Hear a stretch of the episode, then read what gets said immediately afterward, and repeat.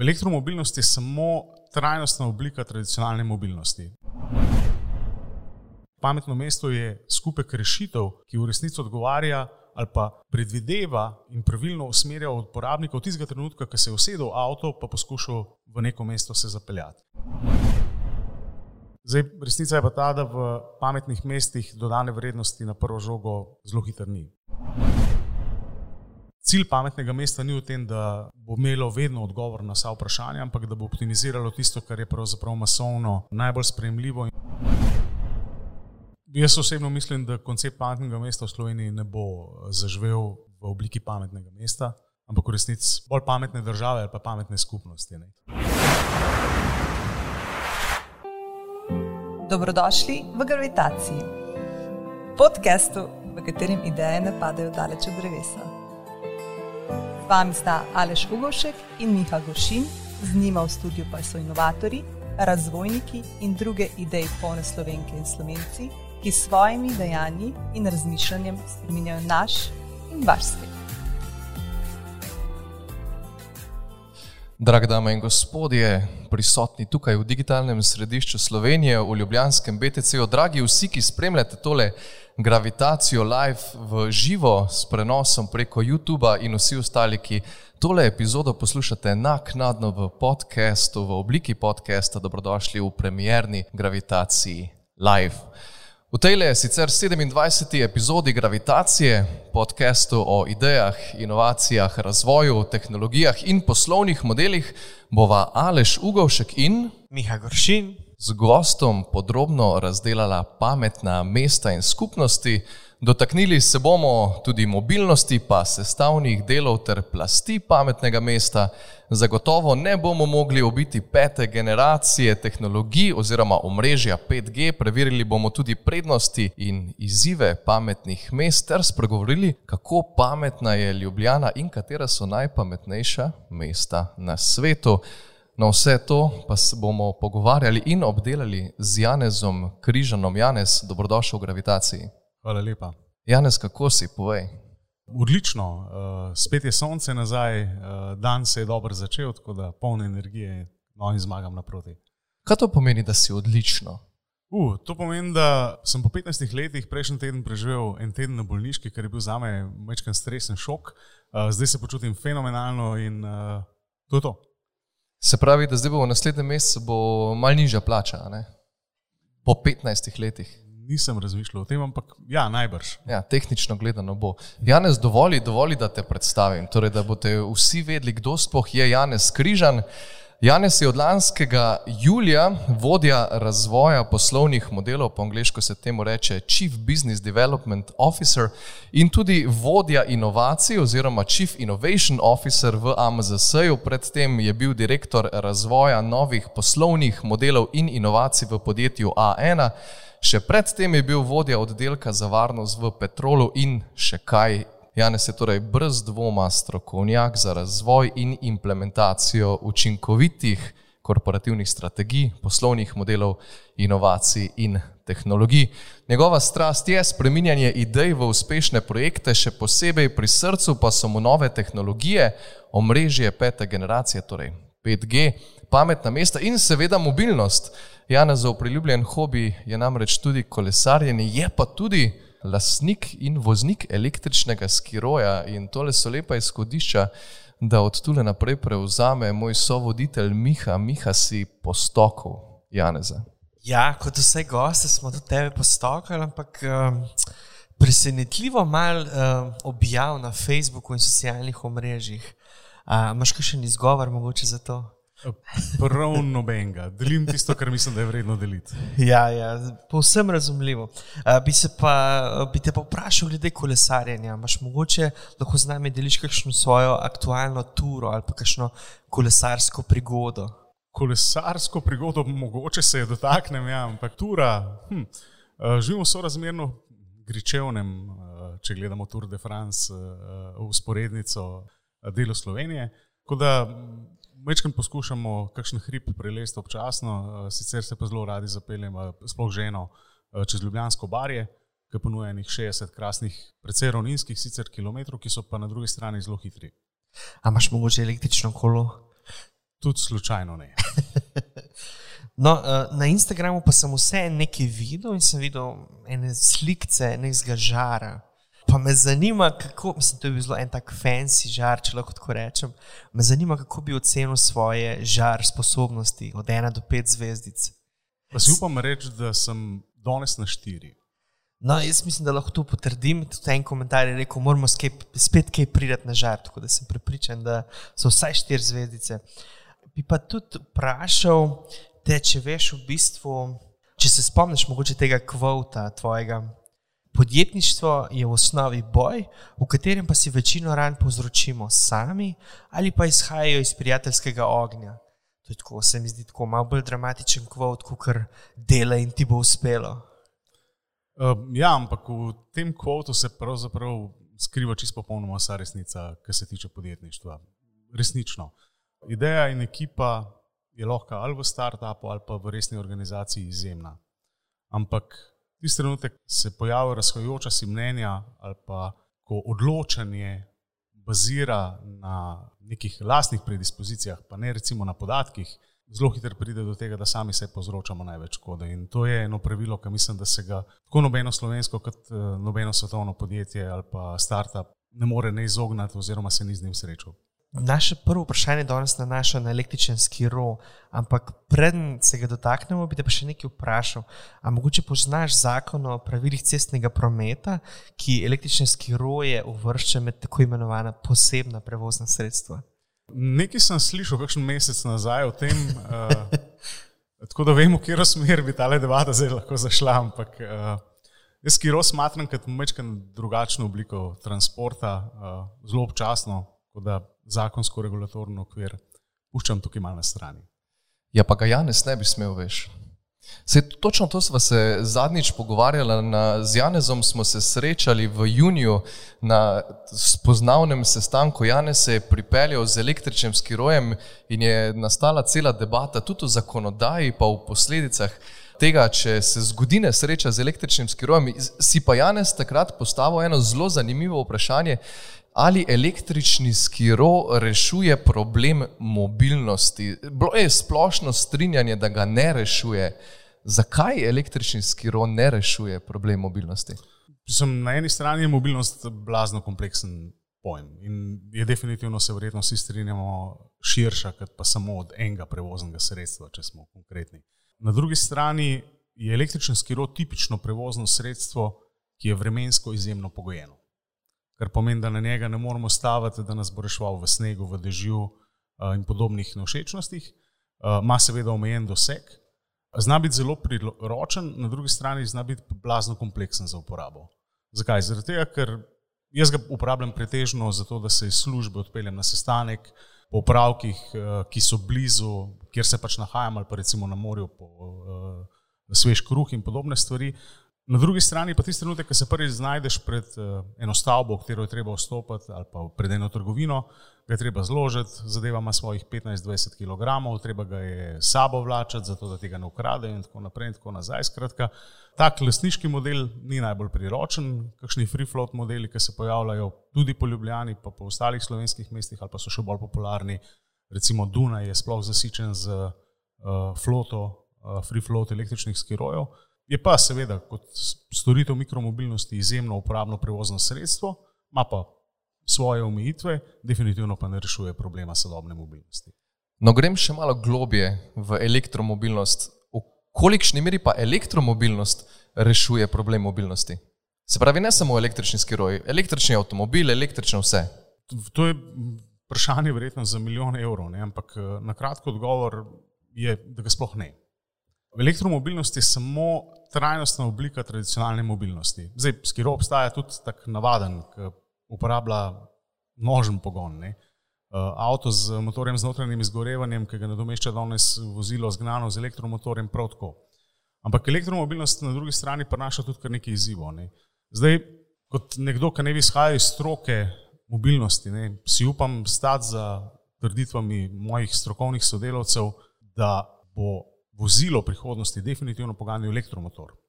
Zdaj, kaj bo pa ta elektromotor napajal, je pa bistveno bolj kompleksno vprašanje. Namreč distribucija električne energije je definitivno na udaru. Zavedamo se, da kapacitete daljnovodnih visokonapetostnih omrežij so omejene, da so potrebe uporabnikov niso razdeljene sorazmerno ali pa neko vredno čez cel dan, kar pomeni, da se pojavljajo že danes določena povečana popraševanja po energentih in z več in več vozili na trgu in pri uporabnikih doma bomo pač v nekem trenutku prišli v petih popoldan do problema, da pač ne bo omrežje zmoglo več suportirati tistega, kar uh, želimo uporabniki na koncu imeti. Tukaj seveda treba še vključiti razne toplotne črpalke in podobne uh, večje odjemalce. In nažalost, rešitev ni tukaj enostavna, da bi zdaj nekdo lahko rekel, da super, bomo pač večje energetsko omrežje zgradili. Tukaj govorimo verjetno o multimiliardnih uh, investicijah, verjetno si nihče ne želi uh, sekanja novih gozdov za nova daljnovodna omrežja. Če smo pa zelo pragmatični, pa pogledamo malo z podatkovnega stališča, pogotavljamo, da pravzaprav kapaciteta omrežja je zadostna. Samo utilizacija od polnoči do polnoči je neproporcionalno razdeljena. Zelo podobno je tudi v mobilnih omrežjih. Ne. Mobilna omrežja načeloma imajo dovolj kapacitet, ampak takrat, ko so pa piki, so pa problemi. In v, elektro, v elektrodistribuciji je treba predvsem ta del rešiti. Kako zagotavljati energijo takrat, ko jo odjemalci rabijo, brez tega, da je vpliv pravzaprav na distribucijo. Se pravi, to misliš, da je kapaciteta zadostna za trenutne razmere ali tudi za razmere v bližnji prihodnosti, le prerasporediti je potrebno smiselno? Nisem strokovnjak z tega področja, tako da tukaj bi verjetno zelo konkretno odgovor dal uh, kakšen predstavnik uh, elektrodistribucije, kot je recimo ELS, pa vse ostale podjetja, ki jih v Sloveniji poznamo. Ampak tisto, kar vemo danes, je, da je omrežje omogoča zadostno distribucijo, se pravi, kapacitet dovolj, nikoli nismo na 90%, po noči, ko industrija ne, uh, se pravi, ko pravzaprav spimo ali pa uh, ko je odjem najmanjši, so te kapacitete uh, globoko niže, kar pomeni, da jih je treba samo pravilno prerasporediti čez dan. Ne? Ker če pogledamo en dan, je pač odjema recimo 100 enot. Zdaj, kako pa teh 100 enot v vsako uro razdelimo, je pa zelo enostaven cilj, ki ga je treba doseči, oziroma zelo kompleksen cilj, ki ga je treba doseči, obstaja pa rešitev za to. Če te prav razumem, je zelo težko govoriti trenutno v številkah, kdaj se bo to zgodilo, pa v kakšnem procentu. Ampak imaš mogoče vseeno kakšno številko za nas, da bi si lažje predstavljali, v kakem času bo to zdaj, v naslednjem desetletju, že mogoče eh, kaj tle. Zelo veliko faktorjev lahko vpliva na to. Ne? Prvič je, da bomo zdaj Slovenci blazno intenzivno uh, investirali v porabnike, ki električno energijo odjemajo. To so električna vozila, to so toplotne črpalke in podobni. Zdaj, če bomo to delali z visoko intenzivnostjo, potem bomo do tega problema prišli zelo hitro. Na drugi strani se moramo zavedati pa tudi tega, da se energetska podjetja že danes zavedajo problema, ki prihaja, kar pomeni, da je že danes treba tudi infrastrukturo, ki odjema to energijo, načrtovati na tak način, da bo ta vzdržnost oziroma da bomo to kapaciteto, ki jo imamo, uspeli izrabljati optimalno na čim daljšem, se pravi čim dlje. Tukaj pravzaprav je tisti breaking point, iz katerega se ne da pravzaprav enostavno reči, da bo leta 2035. Ne. Je pa res, da je težen k temu, da se razogličenje družbe pojavi visoko in je posem na mestu. Tudi Evropska eh, unija, Evropska komisija z prihajajočimi ali pa vzpostavljenimi regulatornimi okviri, definitivno vse članice ali pa cel svet, če lahko gledamo globalno, Eh, tišči v to smer čim večje uporabe obnovljivih virov energije, čim večje razogličenje družbe, ker planet imamo eden. Ni ga tako enostavno očistiti, eh, ni ga tako enostavno ustaviti, eh, reštartati, ampak pravzaprav so to procesi, ki trajajo leta in leta in nekje moramo začeti. In zdaj, če je pritisk regulatoren z ene strani močan, potem je verjetno tudi, to vidimo sami, subvencij za električna vozila oziroma za vozila z eh, motorjem brez eh, uporabe fosilnih goriv večje, ne, potem seveda lahko do te problematike pridemo zelo, zelo kmalo. Ne. Je pa res, da imamo tu vendarle ne smemo pozabiti alternative. Elektrika iz distribucijskega omrežja ni edin vir napajanja elektromotorja v avto, v skiroju ali pa kjerkoli. Vodikove celice, podobne tehnologije obstajajo, so izjemno drage, Obstajajo tudi vozila, ki vozijo po cestah, v tujini bolj kot v Sloveniji, kjer pravzaprav je stranski produkt voda. Je pa res, da je proizvodnja samega vodika izjemno draga, kar pomeni, prenese spet nove izzive sabo pa kako jih distribuirati, pa kako se rešiti nafte in tako naprej. Je pa mobilnost en segment pametnega mesta. Če bi na tej točki zdaj, če izgradimo pametno mesto in pogledamo, katere gradnike ima pametno mesto, bi nam lahko mogoče to zdaj po nekih nivojih oziroma segmentih uh, orisal. Mobilnost je definitivno del pametnega mesta, ne? ampak če gledamo čisti z uh, tehnološkega vidika, ne? pametno mesto v resnici, da je sestavljeno iz ene par takih čist bazičnih uh, nivojev. Ne? Zdaj, če začnemo čist na dnu, pa bom govoril bolj čez oči tistega, kar je že uveljavljeno v, v, v, v svetu. Ne. Imamo na spodnji strani en tak čisto osnovni infrastrukturni tehnološki nivo. Se pravi, kopico nekih naprav, ki so eh, povzljive neko, prek neke infrastrukture, običajno je to mobilna, uh, mobilna tehnologija, uh, ki jo zagotavljajo telekomunikacijski operaterji. Zakaj? Zaradi tega, ker brežičen prenos podatkov definitivno olajša marsikero težavo pri sami implementaciji, kot pa da moraš do vsakega kandelabra vlečati kabel. Ne. Potem nekje na sredini je ena obsežna platforma, ki je čist tehnološke narave, ki pravzaprav ta infrastrukturni svet povezuje v eh, neko centralno procesno logiko, kjer se pač podatki iz razno razne senzorike zbirajo, shranjujejo, lahko potem nadaljne analitično obdelujejo. No, čist na vrh je pa pravzaprav vzpostavljen nek čisto aplikativen nivo. Ker pa pravzaprav zainteresirana družba ali pa zainteresirana vlada ali pa zainteresirana občina pravzaprav lahko iz te mase podatkov, ki jih dobiva v realnem času ali pa pol realnem času iz v bistvu te tehnološke infrastrukture, gradi ali nove poslovne modele, optimizira obstoječe procese in pravzaprav začne ustvarjati na podlagi nekih zelo analitičnih pristopov, po pogledu v podatke, neke rešitve, ki pa ne počnejo čisto popolnoma nič drugega, kot olajšajo življenje prebivalcev v mestu, ali pa tisto, kar pogledamo čez oči biznisa, še reš, prehranijo kakšen strošek, optimizirajo kakšen proces, ga pohitrijo, poenostavijo, pa naredijo bolj učinkovitega. Kako bi pa recimo ocenil neko zanimanje Slovenije, do kakšne mere zdaj Slovenija se zaveda tega, v tem trenutku pa uleče oziroma podpira ta, ta vrši nivo? Spet fenomenalno vprašanje, ampak resnica je v resnici eh, tukaj. Ne? Koncept pametnih mest ni nov, ni star dve leti, ampak je star mnogo, mnogo dlje. Eh, potrebe po avtomatizaciji v razno raznih eh, delih upravljanja enega mesta so stari verjetno več kot pa desetletje ali pa mogoče še dlje. Pač z umitvami infrastrukture, ki jih imamo, so pač eh, tukaj, so pač tukaj neki mostovi zdaj premoščeni in je pravzaprav eh, te poslovne modele lažje upravljati. Če pogledamo čez oči Slovenije, ne, zelo veliko podjetij se želi ukvarjati ali pa se ukvarja ali pa mislijo, da se ukvarjajo z gradnjo pametnih mest. To pomeni, da poskušajo aplicirati občinam prodati ali pa občine celo same eh, vzpostavljati določene posamezne segmente, kot je vem, pametno parkiranje, pametno upravljanje z odpadki in podobne rešitve. Tega je zelo veliko, ampak nažalost so to čist samostojne zaključene enote, ki pravzaprav, če se ne bodo nekoč povezale v neko širšo platformo, ne bodo imele nobene večje dodane vrednosti. Največji trik v to vrstnih use cases je pa ravno v tem, da vsi, ki se z njimi, ki jih implementirajo, iščejo v njih dodano vrednost. Zdaj, resnica je pa ta, da v pametnih mestih dodane vrednosti na prvo žogo zelo hitro ni. Zdaj bom probo to prikazati, če sliko ene usporednice. Ne. Zdaj, če se spomnimo včasih, ko smo eno firmo vodili kompletno na papirju, ne, govorimo o časih pred Excelom, ne, si upam trditi, da je bilo zaradi mase podatkov, ki se je proizvajala, pa zaradi tega, ker je bil doseg po informacijah na trgu zelo omejen, ker tudi mogoče interneta še ni bilo, so bile odločitve, ki jih je management takrat uh, sprejemal, včasih tudi mal take osebnostne. Eh, personalizirane, meni se zdi ti pa, ali pa jaz imam občutek, da bo to le delalo dobro.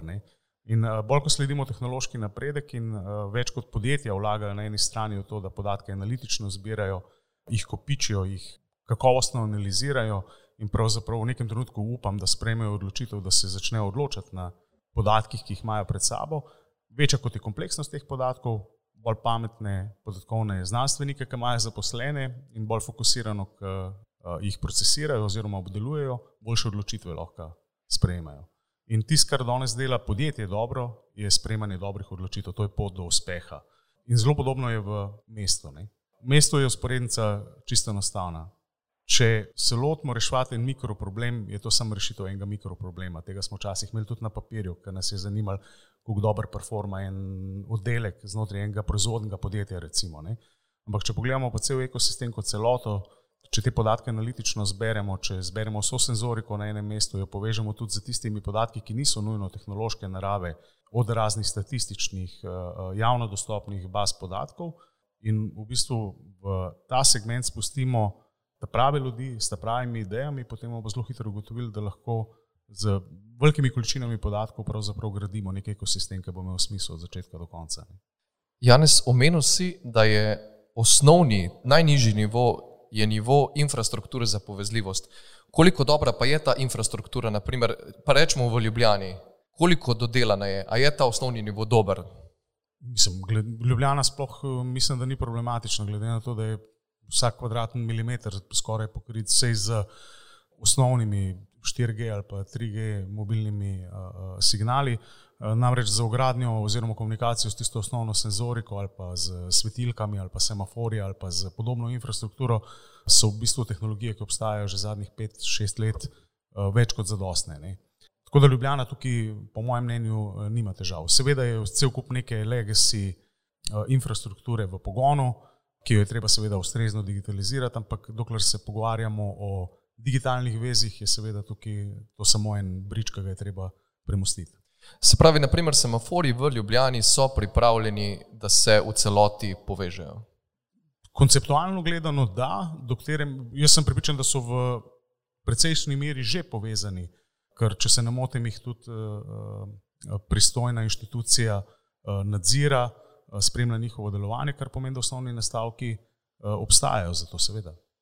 Si pa omenil par besed nazaj, par stavkov nazaj, 3G in 4G, kaj pa 5G? No, o 5G ne, se veliko govori, a je 5G v resnici dejstvo pametnega mesta? A bomo lahko brez 5G-ja speljali pametno mesto? Teoretično da. Pravzaprav, jaz, mislim, da, jaz mislim, da celo prvih pet ali pa deset let lahko pametno mesto velikosti Ljubljana, ampak dajmo biti realni. Ljubljana pravzaprav ni po velikosti nekaj, čemu lahko rečemo mesto, je še vedno nekaj manjšega.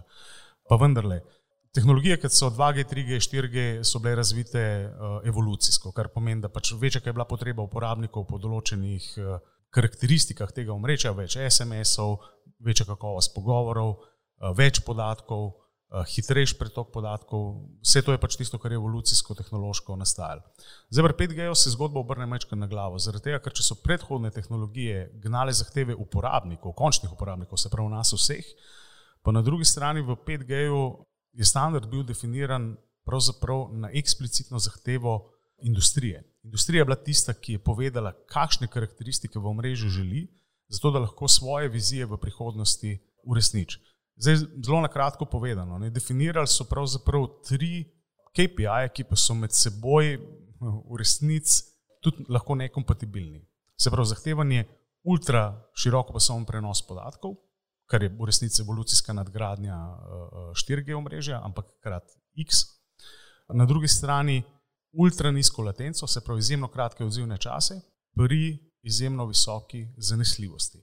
Zdaj, če že samo ta dva vzamemo skupaj, ne, se pravi, kako pri ultra visoki propustnosti zagotoviti minimalno odzivni čas, pa med 99,99 ,99 eh, odstotno zanesljivost, ne, je to nekaj, kar čisto na tehnološki ravni ne funkcionira nujno skupaj. Eh, ta tretji KPI, ki ga je pa industrija zahtevala, je pa eh, povezljivost milijona naprav na kvadratni kilometr. Ta del je pa zopet evolucijska nadgradnja obstoječega mreža. Ampak da vse skupaj deluje v 5G svetu, pravzaprav prišlo do ene zelo zanimive tehnološke rešitve, ki bi pravzaprav tehnološko rečemo ali pa strokovno rečemo network slicing, se pravi razrezano mreže ali pa pravzaprav slovenskega izraza, če sem iskren, ne, ne uh, poznam. Uh, poanta je potem, da se bo, poznamo avto, ki nam je vsem sorazmerno blizu, pa recimo se pomaknemo 10-15 let v prihodnost v avtonomno vozilo, se pravi popolnoma avtonomno vozilo. Recimo to avtonomno vozilo čez 5G omrežje preklopljeno ne z eno povezavo, ampak recimo z vse tremi pa da sem praktičen. Za in-car entertainment, se pravi za, igranje, za gledanje Netflixa, pa za igranje videoigrc, bo seveda skrbel layer uh, omrežja, ki bo omogočil ultra visoko propustnost uh, podatkov. In ta bo popolnoma izoliran od vseh ostalih uh, karakteristik, ki jih recimo tako avtonomno vozilo ima. Zato, da se bo vozilo zavedalo svoje okolice in da bo pravzaprav v realnem času komuniciral z vsem dogajanjem okrog uh, njega, tukaj se seveda zelo dotika koncepta pametnega mesta, uh, bo skrbela ta masovna povezljivost naprav med sabo. Na drugi strani je pa tista najbolj kritična infrastruktura, ta izjemno nizka latenca pri uh, izjemno visoki zanesljivosti, ker se more pa vozilo, če se spet dediciran layer omrežja, povezati tako z drugimi vozili, kot z neposrednim dogajanjem v okolici, zaradi tega, da se lahko tisti instinktivni, nepričakovani incidenti pravočasno sprocesirajo. No, je praktično vsa logika odločanja o vozilu izključno ugrajena v softver oziroma v procesno moč, ki jo vozilo ima. Se pravi, vozila furajo sabor super računalnike v manjši izvedbi in se pravzaprav na podlagi trilijona senzorjev odločajo, pa analitike odločajo o tem, kako odreagirati na neko situacijo. Vse te sline primere preprečevanja nesreč in podobnega poznamo. Uh, ampak ta koncept na dolgi rok ni vzdržen, zaradi tega, ker se treba zavedati, kaj se dogaja 3, 5, 10 vozil ali pa 10 km pred tabo in na podlagi tega sprejemati odločitve. Ampak odločitev enega vozila ni dovolj, če se seveda tudi vsa ostala vozila ne zavedajo, kaj se je zgodilo pred njim in tako naprej. Tako da, če zoti tega, 5G definitivno prinaša temelje za to, da se rešitve, ki pravzaprav bodo naše življenje naredile bolj varno, bolj udobno in predvsem bolj učinkovito, pa tudi stroškovno bolj učinkovito uh, uh, implementirajo. Uh, kako hitro se bodo implementirale, kako hitro se bodo razvile, pa seveda čist uh, svoje vprašanje, odvisno od tega, koliko uh, hitro se bodo omrežja gradila na eni stvari, na strani, kako hitro se bodo seveda regulatorni okviri za implementacijo posameznih use cases implementirali. To je to. Če pa upoštevaš, da je del pametnega mesta tudi industrija in vse tovarne, ki so v pametnem mestu, potem je 5G dejstvo prihodnosti, kar boš potreboval za povezljivost že znotraj tovarne, potem izven tovarne in celotnega mesta. Ja in ne. Zakaj? Zaradi tega, ker uh, kapacitete, sploh 4G omrežja, so vse po mojem mnenju za slovensko področje za naslednjih verjetno pet let, najmanj pet let, več kot dovolj za to, da pokrijejo vse izkušnje, ki jih rabimo, tako za razvoj pametnih tovar, pametnih mest. Preprosto so kapacitete in gabriti in tehnološke uh, omejitve, ki jih omrežje ima, zadosti visoko postavljene, zato da pač nas preživijo. Uh, to ne pomeni, da se mora Slovenija ali pa kjerkoli druga država 5G-ju iz, uh, izognati, ne, definitivno uh, obstajajo tudi druge potrebe za to, da se 5G tehnologija vzpostavi, ampak če želimo pametno tovarno zgraditi, načeloma lahko uporabimo obstoječo tehnologijo se bomo umaknili zdaj iz 5G. O 5G bomo govorili v jesenskih mesecih bolj podrobno. Eh, grem nazaj na pametno mesto. Vedno si predstavljam, da v optimalnem scenariju pametnega mesta je nujno potrebno, da uporabnik pametnega mesta zaupa v sistem. In to je čisto, eh, če dam ne, banalen primer v mesto zjutraj se pripeljem z avtomobilom, navigacija me pošlje na, na, na Vič v Ljubljano, od tam me bo usmerila na javni promet in bom najhitreje na tak način v BTC-ju, zato ker v BTC-ju bodo vsa parkirišča naprimer zasedena in bom izgubil več časa. Ali je zaupanje, objektivno zaupanje v sistem pametnega mesta nujno za delovanje?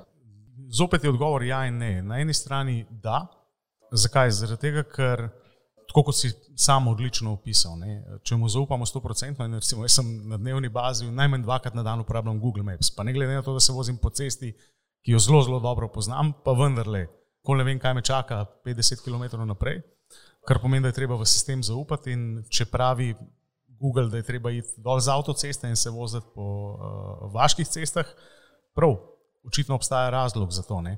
Enako je tudi v pametnem mestu. Eh, na drugi strani je pa odgovor tudi ne. Zdaj, zakaj ne? Zaradi tega, ker ključno je predvsem to, da je ne mogoče, da bi se mesto zavedalo naših individualnih potreb in navad. Določene so predvidljive, kot je recimo pot na delo ali pa izdela ali pa neko, neke dnevne uh, mobilnostne potrebe, ki se ponavljajo znova in znova in leta in leta. Ne. Ampak določene naše potrebe so pa čisto individualizirane, se jih ne da vnaprej predvideti in tudi alternativ, ki jih ima posameznik v glavi, ne moreš uh, z nobeno logiko konzumirati. Kar pomeni, da cilj pametnega mesta ni v tem, da bo imelo vedno odgovor na vsa vprašanja, ampak da bo optimiziralo tisto, kar je pravzaprav masovno najbolj sprejemljivo in na podlagi česar se neka, neko izboljšanje kakovosti bivanskega okolja pojavi. Pa, na podlagi tega gradijo neke nove dodane vrednosti. Zdaj pa mogoče ne tako očitno vprašanje, ampak vseeno se mi zdi, da pametno mesto ima tudi neko rešitev za trajnost ne? in uh, probleme trajnosti, probleme slabega zraka v mestih in tako naprej. A so tukaj že neke rešitve, se kažejo, ali so že neke strategije tukaj zastavljene? Odlično vprašanje. Zdaj, če se ne motim, po zadnjih podatkih ARS, mislim, da so z leta 2018, je izpust iz prometa predstavljal 33% vseh onesnaževal zraka v Sloveniji. 33% je zelo, zelo, zelo visoka številka. Zdaj, pa, če pogledamo to čez oči pametnega mesta, ne, kakšna je rešitev? Ja, rešitev je tako, da pač noben uh, avto ni več nikjer blizu mesta, pa bo kakovost zraka boljša. To definitivno je v redu, ampak verjetno popolnoma v nasprotju z uh, nekimi dnevnimi potrebami, ki jih uporabniki uh, uh, imamo, potem, da smo mobilni. Zdaj pa mogoče jaz enkrat za spremembo nekaj vprašam vajo. Ne? Vidimo, mogoče veste, kaj je Zdaj, problem je gužva, ne, to vsi vemo. Znak kdo odvaja odgovoriti na vprašanje, kaj je največji problem ali pa odkot izvira največji odstotek težav za to, da pravzaprav gužva zjutraj, recimo na opadnicah, v eno vele mesto sploh napade.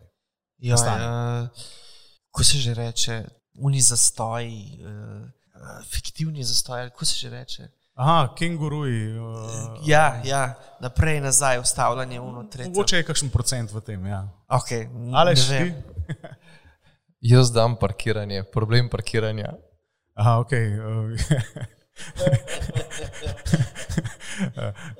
Ali še že izobražen? Uh, ja. Ne, to ni izobrazil si me.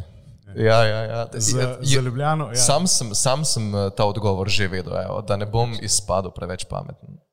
Ampak eh, jaz mislim, da je to dobro izhodišče za naprej. Za ljubljeno podatkov ne, no, ampak v večjih eh, svetovnih prestolnicah je tudi tam do 30% problema izvira zaradi neučinkovitka iskanja parkirnih mest. Zdaj, kako zadeva pravzaprav se navezuje na trajnost, ne pa odkje izvira, je blazno zanimivo. Ne. Zdaj, rešiti učinkovito iskanje parkirnih mest ni samo v tem, da je več parkirnih mest, ker pleha po mestu si zagotovo ne želimo še več, kot ga je danes. Rešitev zagotovo tudi ni to, da mesto preprosto zapremo za promet, pa pač ta problem prenesemo na obrobje. Rešitev je pravzaprav v tem, da se najprej zavedamo, kje prosta parkirna mesta so. In potem se moramo nujno izogniti tistemu, kar si zdaj verjetno vsi v glavi mislimo, da je edina pametna rešitev. Aha, jaz kaj nekam grem, bom zdaj odprl neko aplikacijo in bom pogledal, kje me čaka parkirno mesto. Ne.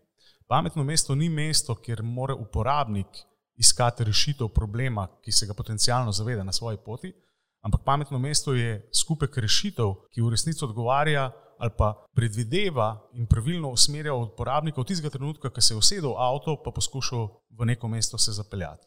Kaj to v praksi pomeni? Če imamo zelo dobro informacijo o tem, kako se uh, promet uh, oziroma iskanje ali pa zasedenost parkirnih mest v mestu uh, ali pa na nekih določenih parkirnih površinah izvaja, potem lahko temu primerno z ustreznimi alosmerjevalnimi tablami uh, ali pa z uh, dinamičnimi zaporami, preusmerjanjem prometa, Eh, avtomatizacijo semaforiziranih križišč, kar je spet eh, vesoljska znanost in ni tako trivijalna, kot zgleda na prvi pogled. V bistvu ta problem začnemo reševati čiščiš na koncu poti. Uporabniku ga pa začnemo reševati čisto na začetku poti, kar pomeni, da z usmerjevalnimi tablami seveda promet preusmerjamo tam, ker prosta parkirna mesta so BTC, recimo tipičen primer tega, ko je zjutraj preden začne BTC funkcionirati, vse je za trkovi zaprto in najdete parkirno mesto tukaj ni tako utopično enostavno. Če to izvedeš učinkovito, potem seveda izboljšaš pretočnost prometa proti recimo temu delu mesta, zadeva se pa potem logično prenese uh, tudi v nadaljevanje. Uh, z ustrezno označitvijo na mestnih opadnicah, z pravočasnim sporočanjem informacije na zagotovo ne prek aplikacije, ampak prek informativnih panelov, radia ali pa kakršnih koli podobnih tehnologij, uporabnike pravočasno obveščati, da v smeru, v katero potujejo, ne bodo nujno prišli optimalno in jim začeti ponujati obvoze, alternativne poti, oziroma še bolje, alternative. In potem dobijo koncepti, kot so park and ride, mikromobilnost in druge podobne rešitve, ki pravzaprav so sestavni del nekega neke mobilnostnih rešitev v nekem pametnem mestu začnejo dobivati dodano vrednost. Ne. Pozabiti ne smemo recimo še na en koncept, ki je blazno pomemben. V mnogih mestih se primarno grejo eh, senzori za parkiranje, to, je, to moraš imeti, če hočeš imeti pametno mesto. potem rabaš senzor kakovosti zraka, pa rabaš verjetno uh, sistem pametnega upravljanja z uh, odpadki, ne? ampak ta prva dva sta nujen pogoj. Ne? In recimo zanimivo je, da se sploh v Sloveniji premalo zavedamo, kako sta en pa drug povezana in kako veliko dodano vrednost za trajnost imata. Zdaj, v čem je štos? Merjenje kakovosti zraka v mestu ni namenjeno samo temu, da bodo v bistvu prebivalci imeli neko transparentno informacijo o tem, v kakšnem okolju živijo, pa da imajo inšpektori nekoliko lajšano delo, pa da iščejo razloge, odkot nek virovne snaženje uh, izvira. Zakaj? Zaradi tega, ker če že danes vemo, da imamo 33% problema povzročenega s prometom, potem imamo eno tretjino celotnega problema pravzaprav v svojih rokah, da ga zelo učinkovito obvladujemo, ker imamo na njega lahko neposredno vpliv. No in določena mesta uvajajo kombinacijo rešitve tega, da dinamično prilagajajo cene parkiranja glede na kakovost zraka v mestu. Se pravi, če si v Ljubljani želimo ali pa imamo težavo z onesnaženim zrakom, čeprav Ljubljana je spet premajhna, da imamo vzeti London, recimo za primer. V Londonu problem uh, onesnaženosti zraka v centru mesta, potem je parkirnina 10 funtov na uro. Ko je kakovost zraka zadovoljiva, je pač lahko tudi desetkrat nižja. Ampak kaj se pravzaprav s tem doseže? S tem se doseže to, da se na nek zelo zanimiv incentiv način, ki je seveda zdaj obratno, malo represiven, uporabnike spodbuja, da svoje vozila puščajo na obrobju mesta, da se v mesto z bolj trajnostnimi oblikami mobilnosti ali pa celo z javnim transportom, ki je še vedno najbolj učinkovit, eh, ko govorimo o količini prepeljanih ljudi na eh, kilometr, eh, pripelje v mesto in s tem pravzaprav izboljšuje čist trajnostne kazalce v enem mestu. In enačba je zelo enostavna. Se pravi, če imamo v Ljubljani problem z onesnaženostjo, potem preprosto začnemo dvigovati cene parkirnine. Tega verjetno uporabniki ne bomo preveč veseli, ampak če pogledamo pa širši vzgib kakovosti okolja, v katerem živimo, je pa to neobhodno potrebno. Vse moje osebno mnenje. Meni se tukaj zastavlja eno vprašanje, ki je morda zelo futuristične narave, oziroma tako boš videl. No? Ampak, a se ti zdi, da je kakšna možnost, da bi car sharing rado tudi ena od rešitev do te mere, da mogoče sploh ne bi imeli avto, ampak bi te avto bolj pobral s ostalimi potniki? Jaz sem definitivno zagovornik tega, da se količina vozil tako ali tako mora zmanjšati. Pa ne zaradi tega, da bo gužve manj, ampak zaradi tega, ker preprosto mislim, da smo Slovenci na eni strani počasi prehajamo v neko obdobje zrelosti, da razumemo, preč koliko nas avto stane in da je to kup pločevine, ki je 95% časa popolnoma neutiliziran. To je najdražja, najbolj neumna investicija, ki jo naredimo. Naredimo jo pa zaradi tega, ker želimo zagotoviti svojo ali pa zadostiti svojo potrebo po mobilnosti. Naša Potreba po mobilnosti je pa priti iz točke A do točke B. Slovenija ima na drugi strani tudi en drug problem, da je izjemno razpršeno poseljene, nimamo pravzaprav enega res omembe vrednega, da moramo reči, pol milijonskega ali pa milijonskega mesta, kjer bi pravzaprav ti koncepti mogoče večkrat lažje zaživeli. In zaradi tega je ta odnos do lasništva vozila še tukaj močnejši. Ampak, če se postavimo v kakšno drugo državo, v kakšno malce večjo skupnost, pa zelo hitro ugotovimo, da pravzaprav zadostitev potrebe uporabnika, da pride od točke A do točke B, se da izvesti z razno raznimi rešitvami. Najbolj eh, učinkoviti načini so tako imenovane rešitve za multimodalno mobilnost, ker pravzaprav uporabnik pove, kam želi, in kot posledica tega se seveda eh, mu uresničijo oziroma prikažejo vse možne rešitve, kako prijeti najhitreje, najceneje ali pa najbolj trajnostno na neko končno lokacijo. In car sharing, carpooling, uh, električna vozila, skiroji, bicikl uh, in podobne rešitve, tudi hoje na koncu koncev, so tiste oblike mobilnosti, ki pravzaprav tako mase rešitev sestavljajo, se pravi, mobility as a service, ki v multi, načrtovanju multimodalne mobilnosti seveda prenašajo določene izzive, ampak na koncu rešujejo uporabnikovo potrebo potem, ki jo dejansko ima, se pravi, prijeti iz točke A do točke B. Imam kar nekaj znancev, kolegov, ki so se svojim vozilom odpovedali, Začetek je bil majhen stresen, ampak danes, ko so mogoče že leto, dve ali pa več eh, brez eh, svojega klenga konička, je pa njihovo življenje popolnoma eh, normalno in vse njihove potrebe po mobilnosti zadovoljene. Janez, večkrat si omenil, da je Ljubljana majhna. Predikcije oziroma napovedi pa so, da naj bi do leta 2050 živelo na našem planetu 10 milijard ljudi, od tega tri četrtine ljudi v vele mestih, v mega mestih. To je pa spet malo futuristično vprašanje. Koliko velika misliš, da bo Ljubljana? Ljudje se zdaj izseljujejo iz Ljubljane, grejo na primestje, pa to ali bo, ne vem, čez 10-15 let Ljubljana pametno mesto, ki bo segala do Mengša. Naprimer, kaj je tvoje mnenje? Jaz osebno mislim, da koncept pametnega mesta v Sloveniji ne bo zaživel v obliki pametnega mesta, ampak v resnici bolj pametne države ali pa pametne skupnosti. Ne. Zdaj eno vprašanje, kako velika bo Ljubljana leta 2045. Ja, verjetno bo imela kakšnih 50 tisoč prebivalcev več, ampak ne zaradi tega, ker bomo postavili uh, neskončno količino stolpnic, pa še zgostili količino prebivalcev na kvadratni kilometr ali pa na kvadratnega pol kilometra, ampak predvsem tega, da se tisti zeleni del Ljubljane, se pravi obrobe Ljubljane, vedno bolj približuje, da mogoče domžale enkrat postanejo tudi del prestolnice, pa ne tega na robe razumeti, tisti, ki tam prihajate, da, da, da, da je moja ideja, da se karkoli kam prepoji, ampak če se mesto širi, potem pač eh, zaselke oziroma ostale manjše kraje prevzame kot svoje. Drug pogled, ki ga imam na to, je pa seveda tudi. Je predvsem odvisno od tega, kako bomo politiko ali pa centralizacijo ali pa intenzivno decentralizacijo države izvajali v prihodnih letih. Zakaj?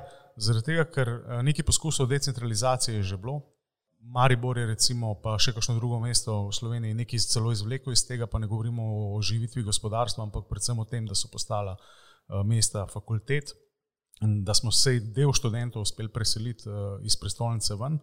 In če želimo imeti prestolnico, v kateri bo ekskluzivno in samo vse na voljo, potem bo seveda mogoče Ljubljana nekoč imela tudi 750 tisoč ali pa milijon prebivalcev. Uh, jaz mislim, da to ni prava pot, ker mislim, da je država dovolj velika in si zasluži tudi, eh, zasluži tudi tisti, ki živijo malo bolj na obrobju ali pa malo ven iz Ljubljana ali pa večjih mest slovenskih, priložnost tega, da imajo kakovost bivanja tako v obliki službe, eh, kot v obliki vseh ostalih dobrin, ki so nam na voljo, recimo tistim, ki prebivamo ali pa prebivate v nekih mestih, eh, tudi preseb.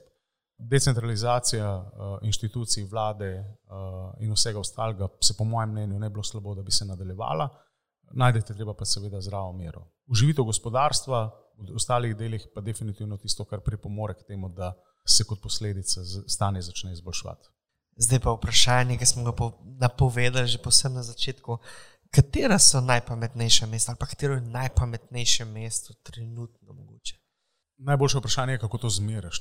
Dejansko obstajajo indeksi, ki uh, pametnost mest uh, indeksirajo, pa se ne bom spuščal v njih, kako so zračunani.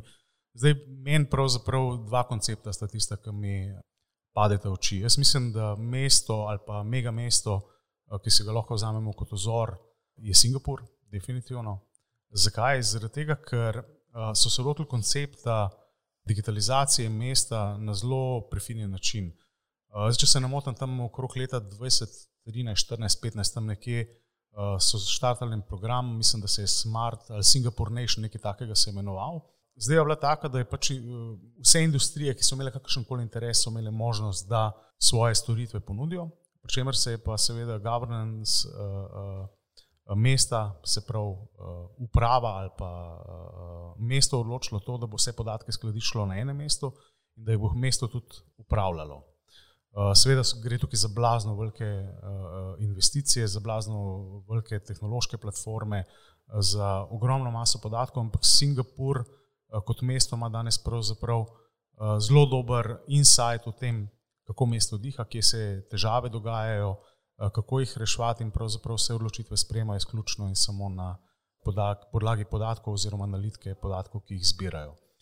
Da drugo mesto pa pravzaprav ni mesto, ampak je skupek mest, tega spremljam bolj iz stališča uvajanja mobilnostnih rešitev. Tukaj recimo koncept majhnosti Slovenije prije že tukaj bolj do izraza. Nekaj let nazaj v Barceloni so se predstavili Eindhoven, Rotterdam, pa še ne par uh, okoljskih uh, nizozemskih mest, ki so pravzaprav ugotovile, da, ugotovile, da ljudje seveda potujejo, dnevno migrirajo med temi lokacijami in da je urejanje mobilnosti uh, za dostop do končne destinacije treba urediti. Kolesarec, seveda, z Eindhoven, uh, Eindhovena, se upravičujem, do Rotterdama ni nekaj, kar lahko narediš. Tako da so pravzaprav vse oblike mobilnosti povezali v eno celoto, eh, se pravi, so izvedli integracijo vseh mogočih oblik mobilnosti in eh, tistim dnevnim migrantom omogočajo to, da pridejo v službo ali pa iz enega mesta v drugo mesto, res po najbolj optimalni in tudi najbolj trajnostno naravnani poti. Recimo zelo zanimiv koncept je to, da so vključili tudi eh, rečen promet v to zgodbo in se je izkazal za blazno učinkovitega. Se pravi, route planning, grem v službo, se lahko zaključi tudi s tem, da se za nek minimalen fi z uh, gliserjem odpeleš uh, in si tam v 15 minutah na mesto uri in pol po cesti. Za konec pa še eno, mogoče malo težje vprašanje, zato ker se ne boš mogel zagovarjati. Odgovori, odgovoriš lahko z ja ali pa ne. A, sam, a si sam iskreno želiš živeti v pametnem mestu? Da. To je bil pa zelo, zelo jasen odgovor. Hvala lepa, Janes, za ta jasen odgovor na koncu. Torej, Janes bi živel v pametnem mestu, brez dvoma. Hvala lepa, Janes, za tele vse tvoje poglede, informacije, znanja, ki si jih danes delil tukaj z nami v gravitaciji. Zapisal sem si nekaj eh, zanimivosti, ki si jih povedal in ki mi odzvanja in ki so odzvanjale, pa jih povzamem. Povsem na začetku si omenil, da je elektromobilnost samo sodobna oblika tradicionalne oblike mobilnosti in da ne rešuje v resnici celostnega problema mobilnosti. Pametno mesto si nekako razdelil po nivojih in sicer na osnovni nivo za infrastrukturo za povezljivost, z naslednjim umestnim nivojem, ki ga predstavlja obsežna tehnološka platforma, ki povezuje in skranjuje ter analizira podatke, in pa vrhni nivo, ki je pa je aplikativni nivo, kjer se pa dogajajo v resnici rešitve na podlagi teh podatkov. Eh, omenil si, da bi v osnovi za pametno mesto zadostovalo že omrežje 4G, Kar pa je tu še interes ter potreba industrije in eh, širše zgodbe, bo 5G verjetno zelo smiselen in bo olajšal rešitve. Povedal si, da cilj pametnega mesta ni, da bo imelo vedno odgovor na vsa vprašanja, ampak da bo optimiziralo rešitve na osnovi mase uporabnikov in njihovih podatkov, in pa da pametno mesto omogoča, da uporabnik ne rešuje rešitev oziroma problemov sam, ampak da jih pametno mesto rešuje za njim.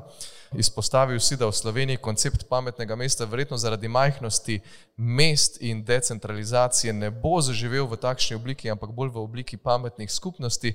Kot najpametnejša mesta pa si izpostavil Singapur oziroma Eindhoven in Rotterdam s priležnimi nizozemskimi mesti, ampak bolj v smislu pametne skupnosti. Super, Janes, odlično, najlepša hvala. Prišel si skoraj do konca gravitacije, čakajo te še tri izzivi, eh, vedno to je klasičen del gravitacije, od izziva do ideje. Ampak preden gremo na, na izzive, ima Miha še uspešek. Kaj so uspeški za vse tiste, ki ne poznate? To so po domače rečeno mihčevi namigi za dobre rešitve oziroma za rešitve problemov. Miha, kaj si pripravil za danes? Jaz bi mogoče rekel, da so to bolj eni taki preprosti triki, ki nam olajšajo življenje. Ja, današnji pospešek se tudi navezuje na pametni promet in učinkovito mobilnost. Sem prepričan, da ga ti že poznaš. Gre pa za v bistvu enostaven trik, ki mislim, da ga morajo vsaj poskusiti naši poslušalci.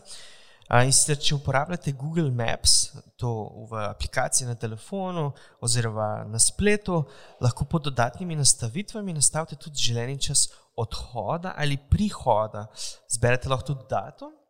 In Google vam bo povedal na podlagi informacij, ki jih ima, uh, kdaj boste prispeli, oziroma kdaj se morate odpraviti, in bo zračunal tudi, če so kakšni zastoji, pogosti in tako naprej. Tako da ne boste več zamujali, oziroma se ne rabite odpraviti na pot prezgodaj. A si mogoče to že kdaj uporabljal? Um, ne, zato ker grem vedno na pot v predvidevanju tega, da vem, kdaj želim priti na cilj, pa še to lasnost imam, da zelo, zelo, zelo ne rad zamujam. Da NG postane. Tako da raje greš na pot 10 minut prej, kot pa ti ponudi Google, ampak vseeno, sam bom uporabil, ker tega še nisem uporabil, testiral bom. Hvala, Miha, za tale uspešek. Ja, gremo na izzive. Tri izzive imamo danes med poslušalci. Povabili smo ne poslušalce, ampak udeležence danes tukaj v digitalnem središču Slovenije. In uh, prvi izziv, gospa v oranžnem. Najlepša hvala. Moje ime je Katja. Jana zapoznam tudi mimo Facebooka in vem, da zelo rad hodi na morje. In ker je rad točen in ima prevzem barke ob 14. uri uh, in krene proti morju, se vozi, gleda Google Maps, ki mu kaže pot, in vse zgleda normalno, mogoče malo oranžno. Hkrati pa na radiju Traffic Information pravi, da je na mejnem prehodu, na katerega je namenjen enourni zastoj. komu boš Janes verjel?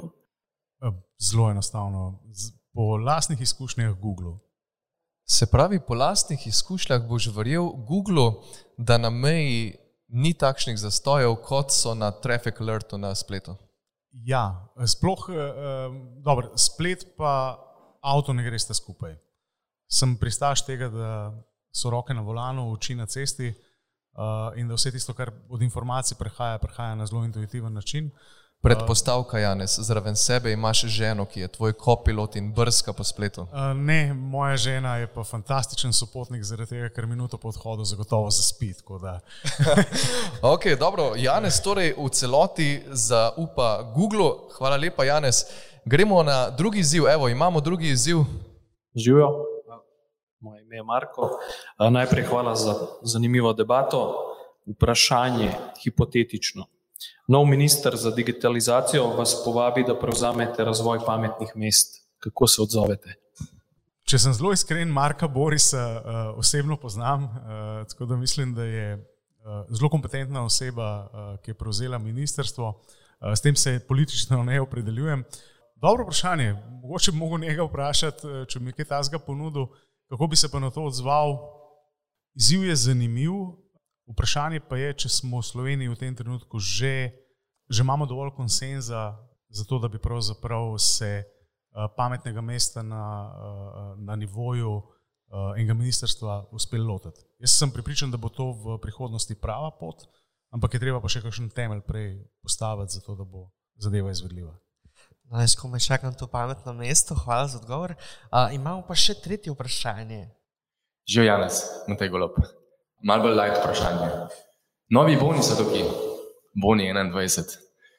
Um, če že veš, mogoče, kam boš dal ti svoj bon? Ali bo to kulinarično, športno, kulturno doživetje, ali bo mogoče kakšno dopustovanje, zdaj pa še malo en tak šemles eh, plat, ne, ki jih imate seveda tudi na Amazon potovanja, ko sem šel malo pogledat si se že kaj odločil? V resnici nismo izkoristili še ta prvih bonov. Jaz mislim, da bomo prve in druge uh, združili skupaj uh, in uh, razmišljek, razmišljek, ki ga trenutno imamo v družini, je predvsem usmerjen v vzhodni del Slovenije.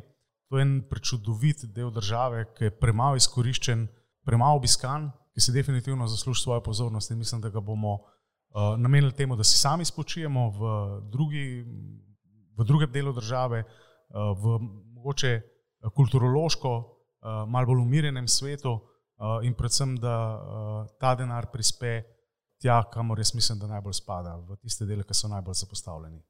Evo, veste, vse imate izvedo si, kam bo šel Janez z družino in kam bo vložil bone. Lepa hvala, Janez, tebi za gostovanje v gravitaciji. Želimo ti prijeten oddih na vzhodu Slovenije ali na barki, nekje za roštiljem ali na kolesu.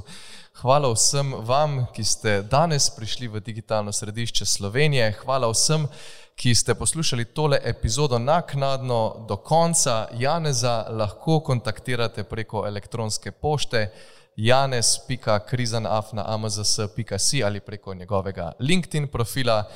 Naslednja epizoda pa izide 5. augusta, ko bo vas z Miho gostila Dušana Olaja iz podjetja Duol. Z njim bomo šli ja, celo do Marsa. No, 18. augusta pa se ponovno vidimo tu, v živo, v digitalnem središču Slovenije, kjer pa bomo na odru gostili kar dva gosta in sicer Mateja Štefančiča iz EFOSA in Sergeja Kranca iz Termodrona in z njimi bomo debatirali in se poglobili v pametno, trajnostno in pa natančno kmetijstvo. Vsem želimo prijetne dni, prijeten dopust. Vidimo se ponovno avgusta, vse dobro in srečno.